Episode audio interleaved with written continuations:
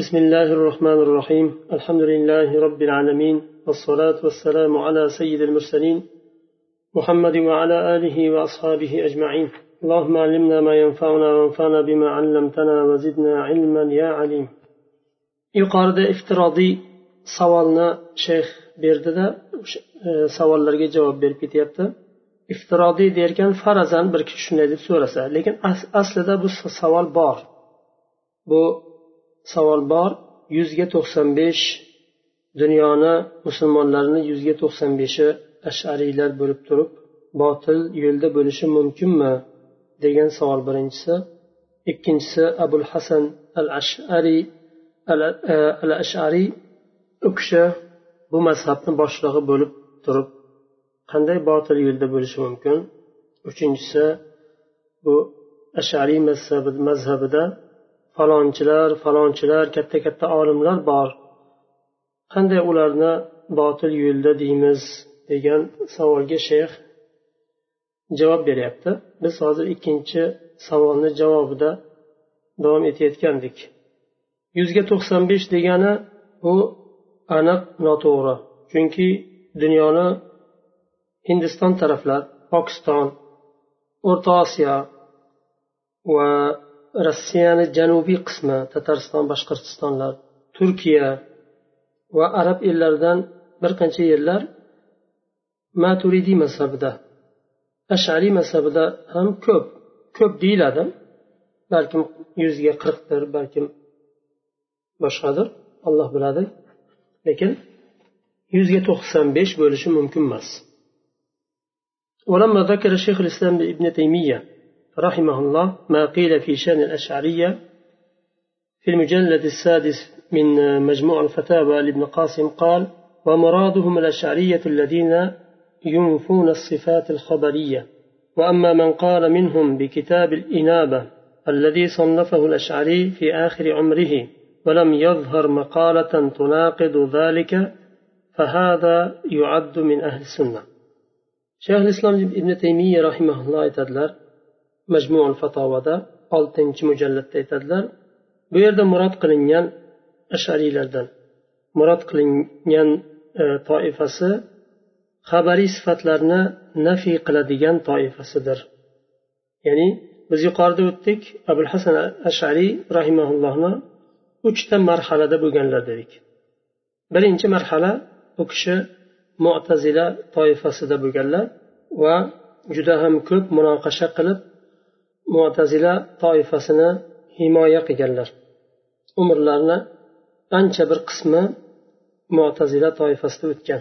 Undan keyin alloh taolo u kishiga u yo'lni botil ekanligini bildirgan sezgan aqllari yetgan shu narsaga va tark qilganlar mo'tazila firqasini va salaf toifasi bilan mo'tazila firqasini o'rtasida bir firqa tuzganlar. U ham mo'tazila sifatlarini hammasini inkor qiladi nafiy qiladi. Salaf aqidasi salaf toifasi sifatlarni hammasini isbot qiladi kayfiyatiga kirmaydi. Sifatlarni hammasini isbot qiladi salaf toifasi lekin kayfiyatiga kirmaydi. Kayfiyatini bayon qilmaydi kayfiyati allohga ma'lum. Abul hasan ashariy rahimaulloh ularni o'rtasida ikki toifani o'rtasida mazhab tuzadi. Yettita sifatni isbot qiladi qolganini inkor qiladi. Inkor qiladi derkan tavil qiladi nafiy qiladi. Undan keyin uchinchi marhala u kishi bu yo'nalishni ham bu mazhabni ham tark qilib salaf solihni mazhabiga o'tadilar va mustahkam shunda turadilar keyin umrlarini oxirigacha. Ammo kim inobat inoba kitobini. Inoba abul hasan ashariy rahimaulloh umrlarini oxirida talif qilgan yozgan kitoblari. Ammo shu kitobni kim shu kitobdan gapiradigan bo'lsa va shu kitobga qarshi chiqadigan hech bir so'zni aytmaydigan bo'lsa u ahli sunnatdan hisoblanadi chunki inobada hech qanday sifatlarni man qiladigan nafiy qiladigan so'z kelmagan. وقال قبل ذلك في صفحة ثلاثمائة عشر وأما الأشعرية فعكس هؤلاء وقولهم يلتزم التعطيل وأنه لا داخل العالم ولا خارجه وكلامه معنى واحد ومعنى آية الكرسي وآية الدين والتوراة والإنجيل واحد وهذا معلوم الفساد بالضرورة. uch yuz o'n uchinchi safhada aytgandilar shayx islom rahimaulloh ashariylar bo'lsa buni aksidir. Inoba kitobiga ergashgandan boshqalari nazarda tutilyapti. Kim inoba kitobini tan oladigan bo'lsa shu kitobga ergashsa u salaf toifasida degani ular buni aksi inoba kitobiga ergashmaganlar. Ularni so'zlari ta'tilni lozim tutadi. Ya'ni ta'til allohni sifatlarini inkor qilishlik bekorga chiqarishlik. Ular aytadilarki alloh taolo olamni ichida ham emas xorijida ham emas. Nima degani u? Ya'ni bor bo'lgan borliqda vujudi bor bo'lgan mavjud bo'lgan narsa borliqni ichida ham emas tashqarisida ham emas deyishlik. Ya'ni yo'q deganga o'xshagan gap bu. Agar borliqni ichida deydigan bo'lsa demak tashqarida emas ekan. Ollohni nimadir ihota qilayotgan ekan degan vasvasa keladi ularga. Borliqni tashqarisida deydigan bo'lsa u borliqdan tashqarida ekan unga bir makon belgiladik degan bir nima keladi vasvasa? Shuning uchun shu vasvasalardan shu shakdan qutulishlik uchun umumanga inkor qilgan. Kalomi bir ma'noda. Oyatil kursiy oyatul dayn.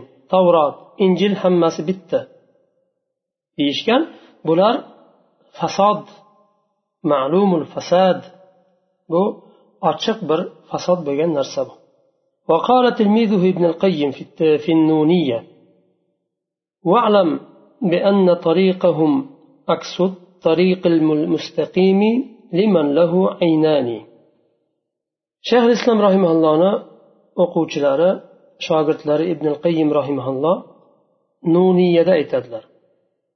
Nuniya aqidada yozilgan kitob. Biling ularni yo'llari to'g'ri yo'lda ikkita ko'zi bo'lgan kishini to'g'ri yo'lda ketayotgan kishini aksidir. Ikkala ko'zi ham bor va to'g'ri yo'ldan ketyapti. Ularni yo'llari shuni aksi. Egri yo'ldan ketyapti va ikkala ko'zi yo'q. degani. Va she'rni davomi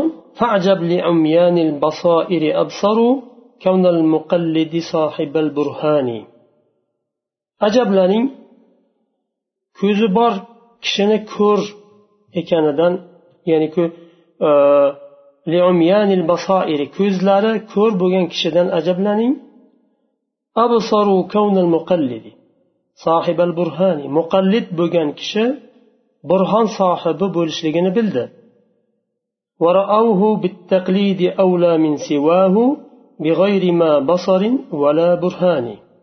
Va shuni bilib taqlid qilishlikni taqlid qilmaslikdan avlo deb bildi. Qanday taqlid qilishlikni? Hujjatsiz va dalilsiz taqlid qilishlikni afzal deyishdi imomga ergashish kerak hujjatlashmang aqlingizni ishlatmang ilmingizni ishlatmang imomga ergashing degani u وعموا عن الوحيين إذ لم يفهموا معناهما عجبا لذي الحرمان ular ikkala vahiydan ko'zlari ko'r bo'ldi ko'rmadi qur'on va sunnatdan izlam yafhamu Tushunmadilar ular qur'on bilan sunnatni ajaban lidil harmani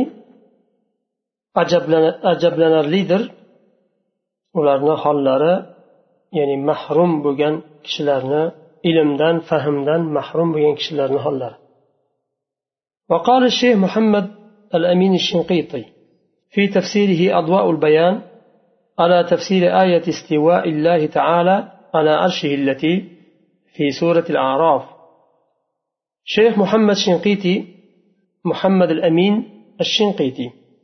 أضواء البيان دايت يتدلر تفسير قرآن تفسيره.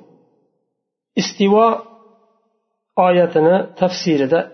شنو ديدلر؟ أعرف سورستك اعلم أنه غلط في هذا غلط في هذا خلق لا يحصى. كثرة من المتأخرين فزعموا أن الظاهر المتبادر السابق إلى الفهم من معنى الاستواء واليد مثلا في الآيات القرآنية هو مشابهة صفات الحوادث وقالوا يجب علينا أن نصرفه عن ظاهره إجماعا. متأخر olimlardan mutaaxir musulmonlardan ko'pchiligi sanoqsiz bo'lgan xalq sifatlar xususida xato qilishdi. Allohni sifatlari xususida ular o'ylashdiki fahmga ilk keladigan mutabodir bo'lgan zohir oyatni zohiri. Yuqorida o'tgandek zehnga ilk keladigan narsa oyatni zohiri. Masalan qo'l va istivoni ma'nosi. Qur'ondagi oyatlarda u havadis ya'ni yangi yaratilgan oldin bo'lmagan keyin yaratilgan. Paydo bo'lgan. Ya'ni u xalq maxluqlarni hammasi ollohdan boshqa. Olloh havadisga kirmaydi. Ollohni borligini avvali yo'q. Dunyodagi barcha maxluqotlar osmon yer boshqa koinotdagi hamma bor narsalar hammasi havadis deyiladi chunki alloh taolo ularni yo'qdan bor qildi. Maxluqlarni sifatiga o'xshaydi dedi ular.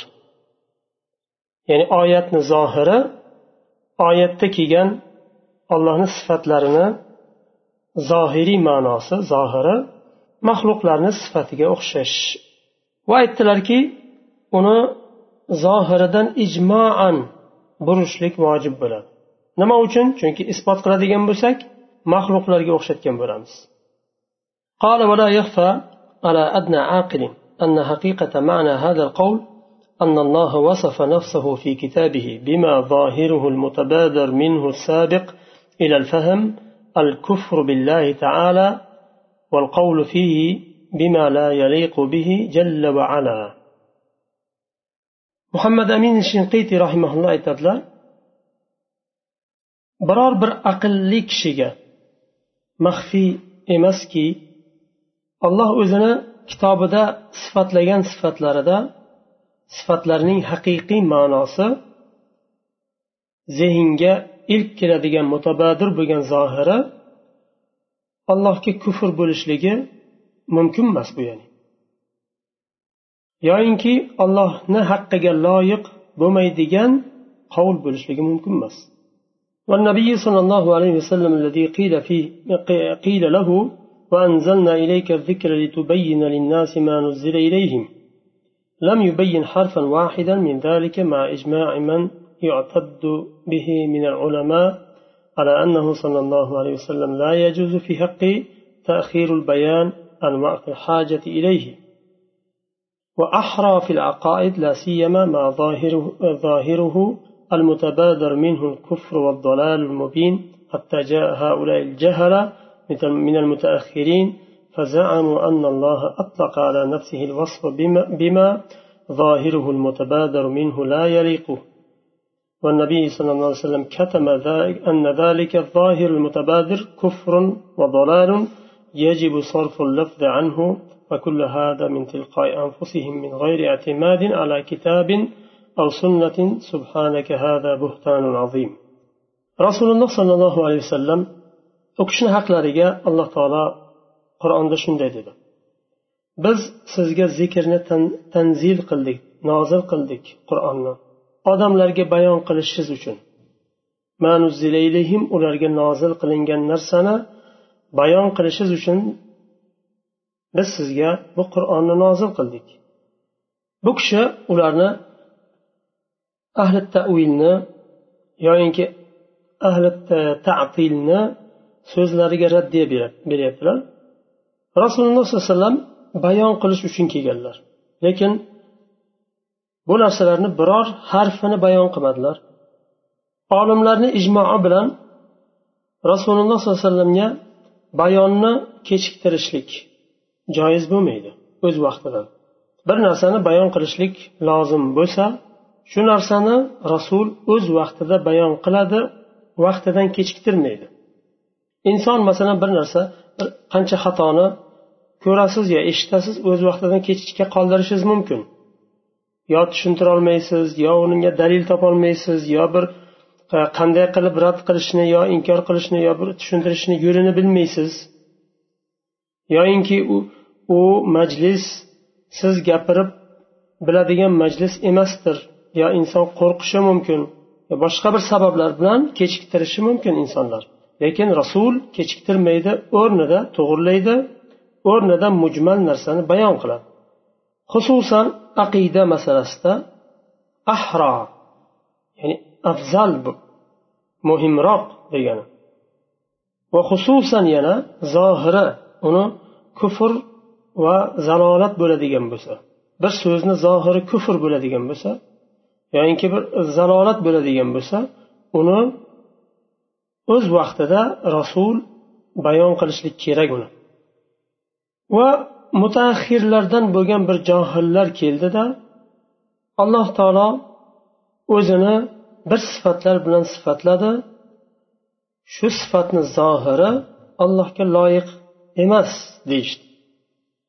Alloh taolo qur'onda va rasulini tilida o'zini sifatladi bir sifatlar bilanki u sifatlarni ma'nosi allohga to'g'ri kelmaydi. Zohiri loyiq emas allohga. Zohiri kufr deyishdi. Va rasululloh sollallohu alayhi vasallam bu zohir zohiri kufr bo'lgan sifatlarni ochiqlamadilar bizga. Ilmni yashirdilar va ochiqlab buni tafsirini bizga aytmadilar degan mazmunni aytdi ular. Ya'ni ularni so'zidan shu ma'no chiqadi. Ular so'zma so'z bunday demadi lekin ularni so'zlaridan shu ma'no chiqadi. Shuning uchun ular sifatlarga kelganda zohiridan boshqa ma'noga burishdi. Subhanaka hada buhtanun azim bu olloh va rasuliga nisbatan buyuk bo'hton bu. Alloh taolo o'zini shunday sifatlar bilan sifatladi. Zohiri kufr.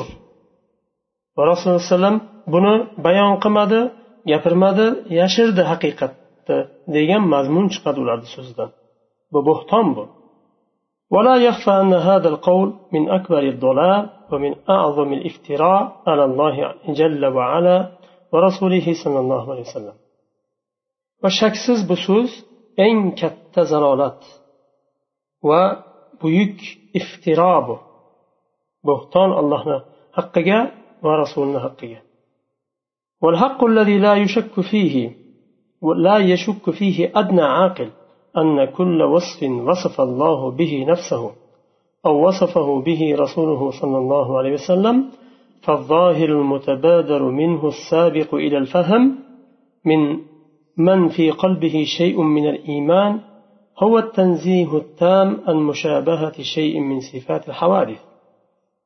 ozgina aqli bor inson shak qilmaydigan haq shuki alloh taolo o'zini sifatlagan sifatlarda va allohning rasuli allohni sifatlagan sifatlarda u sifatlarning zohiri zehnga ilk keladigan zohiri uni qalbida ozgina bir iymoni bor inson tashbihdan to'la holatda tanzih qilishlikdir. Shu sifatlarda qalbida iymoni bo'lgan ozgina iymoni bo'lgan har qanday inson bu sifatlarga kelganda allohni xalqiga maxluqotlarga o'xshatishlikdan oqlash kerak tanzih qilish kerak قال وهل ينكر وهل ينكر عاقل أن السابق إلى الفهم المتبادر لكل عاقل هو منافاة الخالق للمخلوق في ذاته وجميع صفاته لا والله لا ينكر ذلك إلا مكابر والجاهل المفتري الذي يزعم أن ظاهر آيات الصفات لا يليق بالله لأنه كفر وتشبيه إنما جر إليه ذلك تنجيس قلبه بقدر التشبيه بين الخالق والمخلوق فأداه شؤم التشبيه إلى نفي صفات الله جل وعلا وعدم الإيمان بها مع أنه جل وعلا هو الذي وصف بها نفسه. فكان هذا الجاهل مشبها أولا ومعطلا ثانيا فارتكب ما لا يليق بالله ابتداء وانتهاء shinqiti rahimaulloh aytadilar aqlli kishi nasning zohiridan kelib chiqib sifatlarning zohiri zehnga zehnga ilk keladigan ma'no xoliqni maxluqlarga ya'ni xoliqni zotida va barcha sifatlarida maxluqlar bilan qarama qarshi ya'ni o'xshamasligi munofat ya'ni o'xshamasligi zohiri shu ekanligini kim inkor qiladi? Masalan allohni sifatlarida sami basir alim bularni hammasi ismda o'xshasa ham inson ham sami eshitadi alloh taolo ham sami eshitadi. Eshitishlik musammoda qandaydir ismda to'g'ri kelsa ham lekin uni eshitishlik allohni eshitishligi bilan haqiqiy sifatda allohga o'xshamaydi. Ya'ni allohni sifatlariga maxluqlarni sifatlari o'xshamaydi. Alloh komil sifatlarida nuqsonsiz lekin insonlar sifatlari bor. Ko'radi eshitadi gapiradi nimagadir qodir bo'ladi. Alloh qodir qilgan narsaga lekin mahdud cheklangan va zaif ojiz ko'p narsadan shuning uchun allohni sifatlariga o'xshamaydi. Buni kim inkor qiladi? Faqatgina mukabir qaysar va jahil johil tushunmagan bilmagan kishi. Va muftari to'qimachi iftirochi. Qanday iftirochi? Oyatlarni zohiri sifat oyatlarini zohiri allohga loyiq emas deydigan iftirochi. Nima uchun? Chunki u kufr va tashbih deb tafsir qiladi ular. Ya'ni o'zlarini e, bu alloh taoloni sifatlarini inkor qilishini sababi nima uchun inkor qiladi? Uni hujjat qilishadiki bu allohga loyiq emas. Chunki agar allohni ko'radi eshitadi yo boshqa e, sifatlarini isbot qiladigan bo'lsak insonlarga va maxluqlarga o'xshatgan bo'lamiz bu kufr va tashbih deydi. Va bu narsaga ularni nima keltirdi? Rahimaulloh aytadilar ularni qalblari xoliq bilan maxluqni o'rtasini tashbih qilishlik qadari qadar ya'ni kirligi qalbini bulg'agan.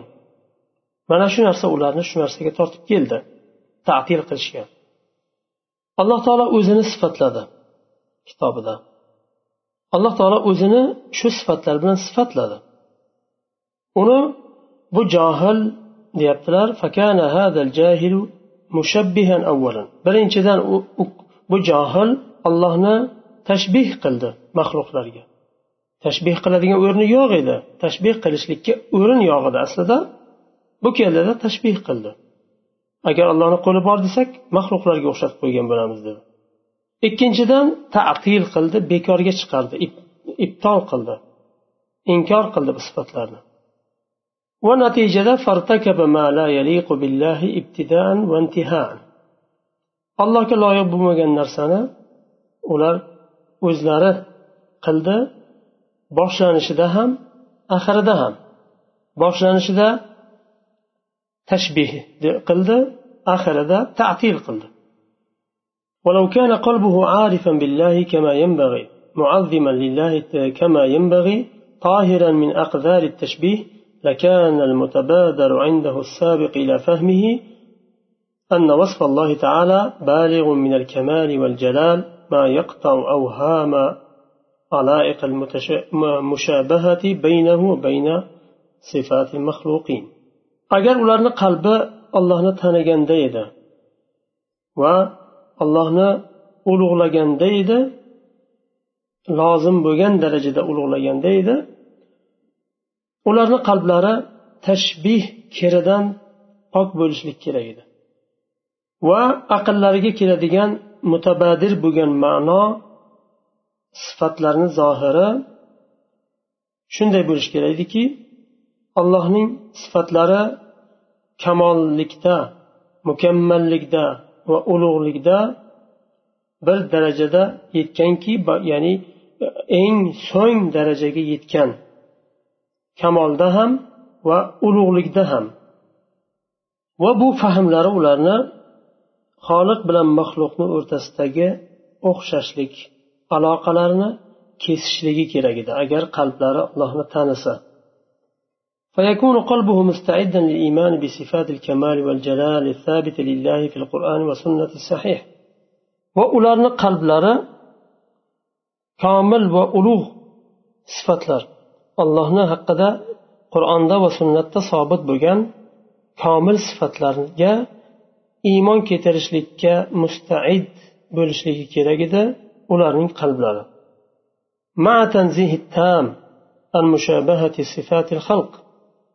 xalqning sifatiga maxluqlarning sifatiga o'xshatishdan tom tanzih bilan birga poklashlik ya'ni. Chunki alloh taolo aytyapti allohni o'xshashi yo'q va alloh sami eshitguvchi va ko'rguvchidir. O'xshashni inkor qilyapti oyatda. Allohni hech o'xshashi yo'q bu borlikda borliqda biror bir tarafdan. Bu degani ya'ni sifatlari yo'q demadi sifatlarini inkor qilinmadi bu yerda. O'xshashi inkor qilindi. Va uni orqasidan sifatlarini keltirdi. Zikr qildi. Va samiul basir. Alloh taolo eshituvchi va ko'rguvchidir. والأشعري وأبو الحسن رحمه الله كان في آخر عمره على مذهب أهل السنة والحديث وهو إثبات ما أثبته الله تعالى لنفسه في كتابه أو على لسان رسوله صلى الله عليه وسلم من غير تحريف ولا تعطيل ولا تكييف ولا تمثيل. أبو الحسن الأشعري رحمه الله أمر لنا آخر ahli sunna va ahli hadisni mazhabida edilar bu mazhab alloh taolo o'zining haqida isbot qilgan kitobida isbot qilgan sifatlarni isbot qilish va rasulining tilida isbot qilgan sifatlarni isbot qilish tahrifsiz ta'tilsiz takyifsiz va tamthilsiz ومذهب الإنسان ما قاله أخيرا إذا صرح بحصر قوله فيه كما هي الحال في أبي الحسن كما يعلم من كلامه كما يعلم من كلامه في الإنابة. وعلى هذا فتمام تقليده اتباع ما كان عليه أخيرا وهو التزام مذهب أهل الحديث والسنة لأنه المذهب الصحيح الواجب الاتباع الذي التزم به أبو الحسن نفسه. insonni mazhabi eng oxirgi so'zi bo'ladi masalan uch xil to'rt xil so'z aytgan bo'lsa ha hamma so'zi bir biriga qarama qarshi bo'ladigan bo'lsa birinchisini ikkinchisini olmaymiz. Eng oxirgi aytgan so'zini shu u kishining mazhabi deymiz. Nima uchun? Chunki shu e'tiqodda dunyodan o'tgan bo'ladi u kishi. Mazhabi shu bo'ladi. Oldingilarni oxirgi so'zi oldingilariga qarshi chiqsa agar demak oldingi so'zlarini inkor qilgan sanaladi. Shuning uchun bu yerda abul hasan ashariyni rahimallohni mazhablari eng oxirgi aytgan so'zlari hisoblanadi. Faqat u kishini emas hamma hammani ham har qanday olimni ham oxirgi so'zi mazhabi hisoblanadi. Va u kishi inobada bayon qilganlar hamma narsani oldingi yo'nalishlariga qarshi e'tiqodni bayon qilganlar. Shuning uchun u kishiga taqlid qilishni tamomi eng oxirgi so'zlariga ergashishlikdir. Eng oxirgi so'zlari nima? Ahli sunnat va ahli hadisni mazhabi. U kishini mazhablari. Chunki umrlarini oxirida shu mazhabda turdilar shu mazhabni mazhabim dedilar va inobani shunga ko'ra talif qildilar. Va u shu mazhab ergashishligi vojib bo'lgan sahih mazhabdir shu mazhabga abul hasan ashariy shu mazhabni lozim tutdilar umrlarini oxirida shu yerda to'xtaymiz keyin uchinchi savolga javobni keyingi darsda o'tamiz سبحانك اللهم وبحمدك أشهد أن لا إله إلا أنت أستغفرك وأتوب إليك